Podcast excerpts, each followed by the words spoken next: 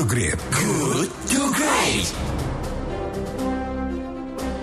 107,1 Kelight FM Bandung's Inspiring Sound Anda masih bersama saya Jul Syafi'i di Good to Great Because Good is the Enemy of Great Dan kita memasuki sesi diskusi Kelight FM yang pagi ini kita akan membahas uh, tema Mencari jalan keluar terbaik demi keberlanjutan atau sustainability program JKN KIS Pasca dibatalkannya kenaikan iuran BPJS Kesehatan oleh MA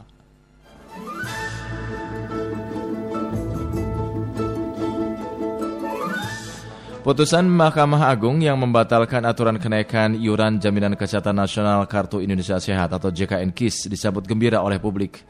Tetapi di sisi lain, putusan ini dapat semakin memperbesar defisit pembiayaan program JKN KIS, bahkan yang dikhawatirkan bisa mengancam keberlanjutan atau sustainability program tersebut. Nah, tercatat defisit BPJS Kesehatan pada 2020 mencapai 39,5 triliun rupiah Koordinator Advokasi BPJS Watch, Timbul Siregar mengatakan, Hakim MA seharusnya membatalkan pasal 34 Perpres nomor 75 2019 dan membuat norma baru. Apa itu? Yaitu menaikkan iuran, tetapi nilainya tidak sebesar aturan itu. Menurut Timbul, putusan MA itu bisa memperbesar defisit BPJS Kesehatan. Mengatasi defisit harus dari dua sisi, yakni peningkatan iuran dan pengendalian biaya. Sementara itu Menteri Keuangan Sri Mulyani Indrawati masih berpikir keras bagaimana membuat BPJS Kesehatan tidak lagi defisit di tengah dibatalkannya kenaikan iuran. Cukup memusingkan.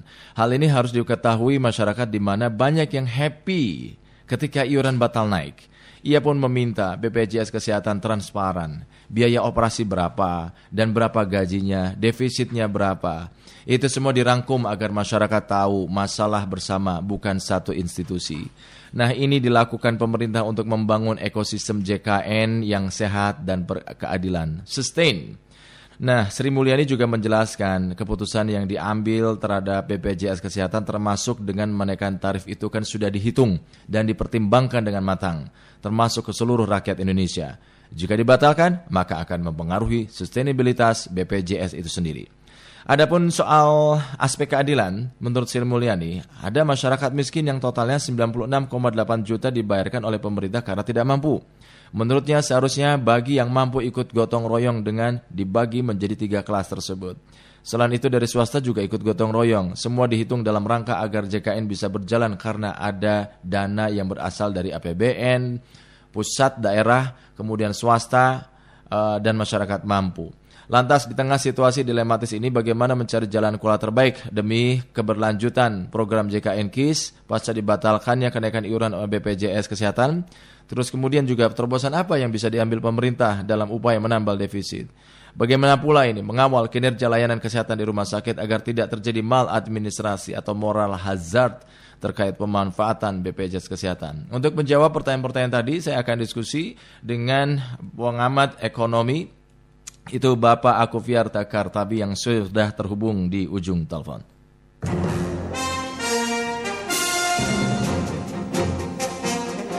Selamat pagi Pak Kartabi. Selamat pagi Mas Ijo, selamat pagi sahabat Kelight. Assalamualaikum warahmatullahi wabarakatuh. Waalaikumsalam warahmatullahi wabarakatuh. Apa kabar Pak? Kabar baik Mas Ijo. Luar Dan biasa. teman di studio juga Kabar baik ya. Amin, amin, amin. Pak, ini putusan MA yang membatalkan aturan kenaikan iuran uh, eh, JKN KIS disambut gembira oleh publik tentu saja ya. Tetapi di sisi lain putusan ini bisa uh, semakin memperbesar defisit pembiayaan program JKN KIS. Bahkan yang dikhawatirkan bisa mengancam keberlanjutan program tersebut. Saya ingin meminta pendapat Anda di awal ini, Pak. Silakan, Pak. Ya, jadi saya kira memang kalau lihat dari putusan MA itu kan lebih banyak kepada prosedur hukum ya yang tidak ditempuh ya. Mm-hmm. Misalkan kalau kita lihat pasal 23 bahwa pajak dan iuran itu harus ditetapkan melalui undang-undang misalnya ya dan yeah. sebagainya. Termasuk juga pasal 28 tentang mm -hmm. jaminan kesehatan dan sebagainya. Tapi di luar itu, saya ingin melihat dari substansi ekonomi okay. bahwa ini kan akumulasi masalah karena di periode-periode sebelumnya saya kira kenaikan daripada iuran BPJS ini juga memang tidak sesuai dengan apa yang diharapkan gitu ya. Mm. Jadi kalau kita melihat angka 100%, kemudian yang paling paling rendah kan kelas mandiri 3 kenaikannya 65%, 65%. Dan itu kan dianggap sangat berat gitu ya. Kalau kita compare dengan insurans swasta ya ini jauh lebih murah begitu kan? Iya. Yeah. Nah, kemudian bagaimana solusinya? Ya tentu mengatasi defisit ini ya ada harus dari dua sisi. Dari sisi pendapatan saya kira juga harus segera begitu ya. Hmm. Harus segera ditempuh. Misalkan saya kira ya mungkin ya kenaikan tadi sudah disampaikan oleh Mas Ijo yeah. tidak naik 100% begitu ya. Mm. Kemudian ya subsidi juga ditambah oleh pemerintah begitu. Mm. Tahun lalu juga kan kita menambah subsidi 13,5 triliun. Saya, saya kira tahun ini juga uh, bisa meningkat. Ini kan negara tidak sedang berdagang dengan masyarakat begitu. Ini kan soal kesehatan dan yeah. siapa yang mau sakit kan tidak seperti itu mm. ya. Mm. Kemudian juga saya kira dilakukan menagih tunggakan-tunggakan gitu ya. Hmm. Ya saya kira tunggakan juga di BPJS ya sangat besar begitu ya. Baik itu katakanlah dari kelompok eh, apa namanya peserta bukan penerima upah ya. Yeah. Kalau peserta PPU kan dan PBI saya kira sudah dibayarkan oleh pemerintah dan dipotong gaji oleh perusahaan baik swasta maupun pemerintah gitu. Mm -hmm. Nah itu dari saya kira menagih tunggakan. Kemudian juga pengelolaan dana gitu, pengelolaan dana kan tidak semua orang itu sakit gitu dan me mengklaim pelayanan BPJS. Nah ini bagaimana pengelolaannya? Nah, hmm. Pengelolaan artinya dana itu kan memang harus diinvestasikan sama seperti di insurance gitu. Hmm. Ya, jadi kalau saya menginvestasikan, maka dana itu saya putar begitu dan kebetulan tidak semua sakit. Dan menurut saya kan yang dijamin oleh pemerintah tadi sudah disebutkan oleh Mas Ijo JKN itu 96,8 juta. juta ya. Itu kan sudah dibayar oleh pemerintah begitu ya. Hmm. Nah, ini saya kira dugaan saya pengguna dari kelompok peserta bukan penerima upah yang mandiri hmm. nah ini yang kemudian saya kira banyak menggunakan yang tidak sesuai dengan uh, jumlah iuran yang ekspektasi iuran yang uh, ditagih begitu hmm. jadi saya berharap ke depan itu penerimaan dana ada pengelompokan Mas Ijo. Hmm. Jadi kalau memang uh, penerima penerima PBI yeah. ya penerima uh, apa namanya penerima bantuan iuran dari pemerintah pusat maupun daerah, nah itu dikelompokkan berbeda. Hmm. Gitu. Jangan sampai kelompok ini pemerintah mensubsidi ya pada kelompok yang mampu. Ya gitu. Hmm. Beberapa studi saya baca juga ada dugaan memang bahwa peserta bukan penerima upah ini juga menikmati uh, subsidi begitu. Hmm. Nah ini yang uh, saya kira juga khawatirkan dari sisi pendapatan.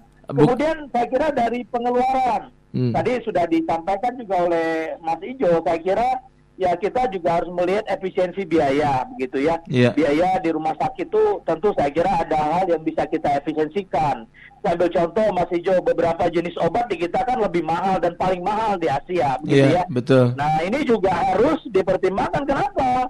Ya artinya ini katakanlah kita bicara di apa namanya di hilir begitu. Dan di hulunya kita juga harus membangun investasi kita mendorong BUMN di bidang kesehatan untuk investasi di pengadaan obat dan sebagainya yang lebih terjangkau begitu ya. Mm-hmm. Nah beberapa kasus juga masih Jo saya lihat dari sisi pengeluaran ini ada fraud ya. Mm. Ya kita melihat beberapa kasus juga ada manipulasi gitu ya. Mm. Dan yang ketiga menurut saya dari sisi pengeluaran ini harus ada juga pencegahan penyakit. Terutama kalau kita lihat dari pengeluaran utama BPJS kan pertama jantung ya, yeah, kedua yeah. kanker misalkan. Mm. Nah, seperti jantung itu saya kira buat perokok itu hmm. harus ada apa namanya disinsentif. Hmm. Nah, hmm. sehingga kemudian saya kira itu juga bisa menekan karena pengeluaran terbesar itu kan untuk jantung dan stroke ya. Yeah. Nah, saya juga melihat ada komponen yang bisa diefisiensikan dari sisi pengeluaran adalah biaya persalinan, Mas Ijo. Hmm. Nah, biaya persalinan terbesar itu terutama untuk kebutuhan ya apa namanya sesar yeah. ya. Ya, saya kira ini juga kalau tidak penting-penting amat kan tidak harus dicesar begitu ya. Yeah, yeah. Ya saya dulu lahir ya di kampung begitu ya. uh, Alhamdulillah sehat-sehat aja kan begitu. Uh, uh, uh, uh, Saya yeah. kira gitu Mas Ijo yeah. Kalau kalau kita uh, di tengah situasi yang sekarang ini dilematis, uh, cara mencari jalan keluar terbaik demi uh, keberlanjutan program JKN KIS ini pasca dibatalkannya kenaikan iuran BPJS Kesehatan dalam rangka untuk mengatasi defisit BPJS Kesehatan ini. Kalau dibagi menjadi uh, bagian yang besar, apa bagian besar itu yang harus menjadi fokus oleh pemerintah menurut Anda, Pak? Ya, jadi pertama menurut saya pemerintah tetap harus memberikan subsidi ya. Jangan dilihat dari angka uh, puluhan triliunnya, 13,5 triliun dan sekarang tadi defisit 39,39 39 triliun ya. Jangan dilihat dari triliunnya. Kita kan penduduknya sangat banyak. Mm Mas Ijo ya mm -hmm. gitu.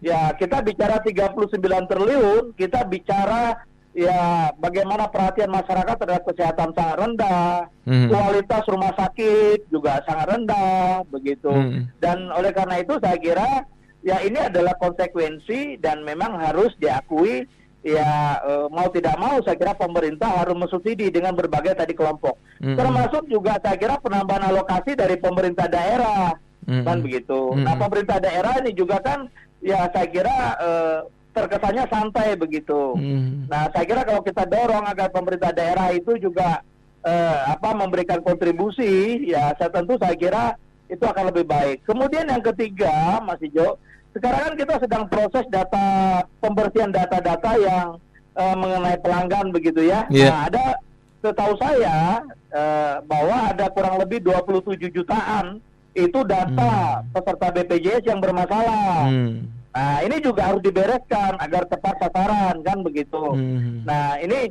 eh, saya kira adalah hal jangka pendek yang eh, memang harus dilakukan Mas Ijo hmm. untuk dalam rangka eh, meningkatkan apa namanya pelayanan ini. Karena hmm. saya memang mengkhawatirkan sama dengan Mas Ijo ketika ini kemudian kenaikannya di apa ya ditangguhkan atau di stop langkah jangka pendek itu jangan sampai kemudian menanggulangi kekhawatiran masyarakat bahwa ada penurunan pelayanan mm -hmm. gitu. Mm -hmm. Dalam kondisi normal juga antrian sangat panjang, pelayanan juga uh, saya kira ya cukup melelahkan begitu ya. Mm -hmm. Nah, tentu saya kira ini harus ada jaminan mm -hmm. kepada uh, apa namanya para pengguna BPJS untuk tetap mendapatkan pelayanan secara optimal. Begitu. Pemerintah ini melihatnya kalau ya, adanya konsep gotong royong, artinya mampu ikut membantu ya, mereka yang tidak mampu.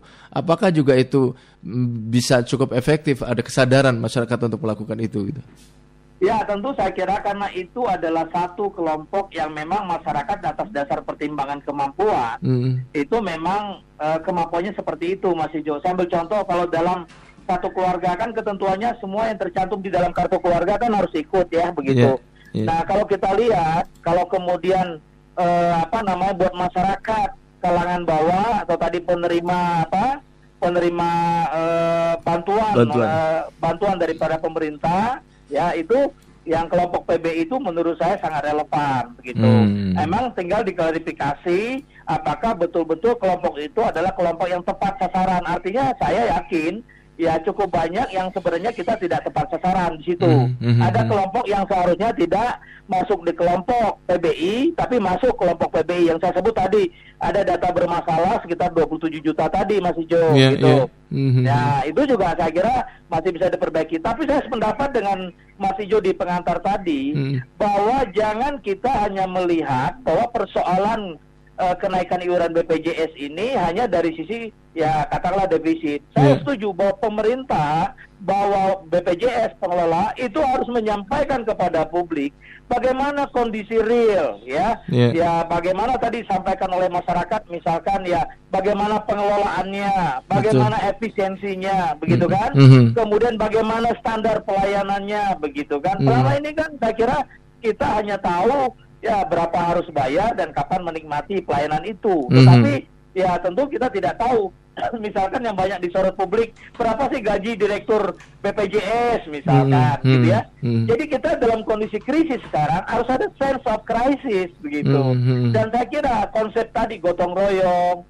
saling bahu membahu itu masyarakat kita sangat toleran begitu yeah. sehingga kemudian kalau itu disampaikan menjadi satu uh, satu apa namanya bagian yang tidak terpisahkan mm-hmm. dari langkah-langkah pemerintah untuk melakukan ya perbaikan termasuk di dalam uh, institusi BPJS mm. terkait dengan pengelolaan ini saya lihat uh, saya kira beberapa masyarakat ingin menyampaikan keluhan begitu ya yeah. nah itu sangat sulit sekali ke BPJS ya saya kira yeah. kalau diundang oleh Kilait pun BPJS tidak akan datang. Amin, gitu ya. yeah. Saya berapa kali kesempatan uh, apa menghadiri pertemuan dengan BPJS itu tidak ada tanya jawab. Hmm. Hmm. Nah ini kan satu hal yang mengkhawatirkan begitu. Yeah, Ditambah yeah. lagi kan masyarakat sekarang di zaman informasi, saya kira melihat bagaimana tingkat korupsi, kebocoran dan sebagainya itu kan saya kira mempengaruhi juga mindset masyarakat. Begitu. Di iya. luar memang kemampuan idealnya. Saya kira gitu Mas yeah. Partai ini yang terakhir Pak Kertabi terobosan lain apa yang bisa diambil pemerintah dalam upaya menambal defisit agar uh, eh, BPJS ini bisa sustain gitu? Mengingat uh, kalau pemerintah tidak mampu atau katakanlah tidak kuat menanggung beban defisit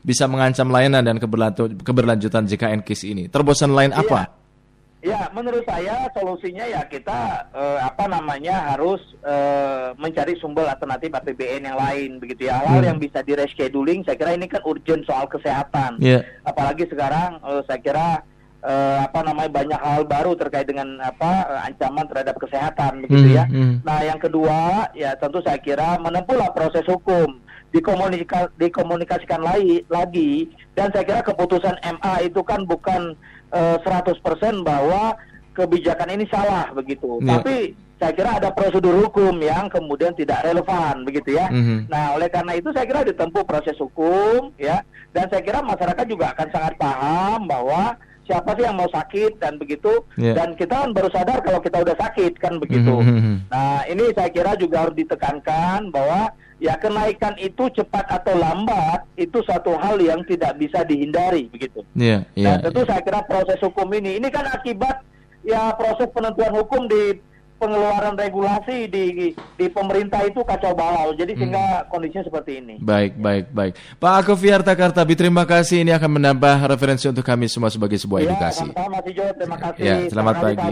Assalamualaikum. Waalaikumsalam warahmatullahi wabarakatuh. Demikian Sahabat Kelet, Bapak Aku Fiarta Kartabi pengamat ekonomi dan sebagai civil society, pemegang kekuasaan tertinggi yang memberikan mandat kepada negara dan pemerintah.